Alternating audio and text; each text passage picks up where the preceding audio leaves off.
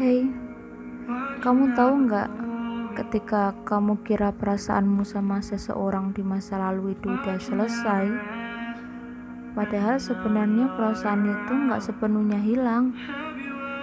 Kamu memang bisa melupakan dia, tapi yang sebenarnya terjadi bahwa perasaan itu cuma kamu simpan rapat-rapat di satu ruang hatimu sendirian.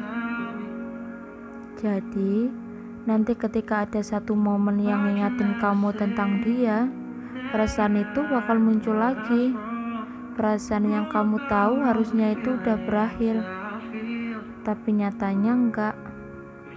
Perasaan yang kamu kira sudah hilang itu ternyata masih terus ada, masih terus abadi. Kenapa? Karena yang namanya perasaan nggak pernah bisa kita tebak keberadaannya, nggak pernah bisa kita tahu maunya apa, maunya kayak gimana. Yang pergi bisa jadi cuma raganya, tapi mungkin kenangannya nggak akan pernah pergi dari kepala.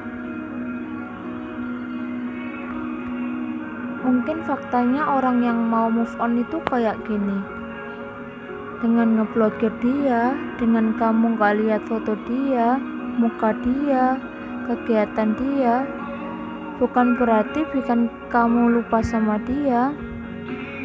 Yang ada malah bikin kamu inget terus. Kalau emang kamu masih ada hati sama dia, masih ada perasaan sama dia, perasaan yang kamu tutup rapat-rapat di dalam hatimu sendiri, coba hubungin dia terus.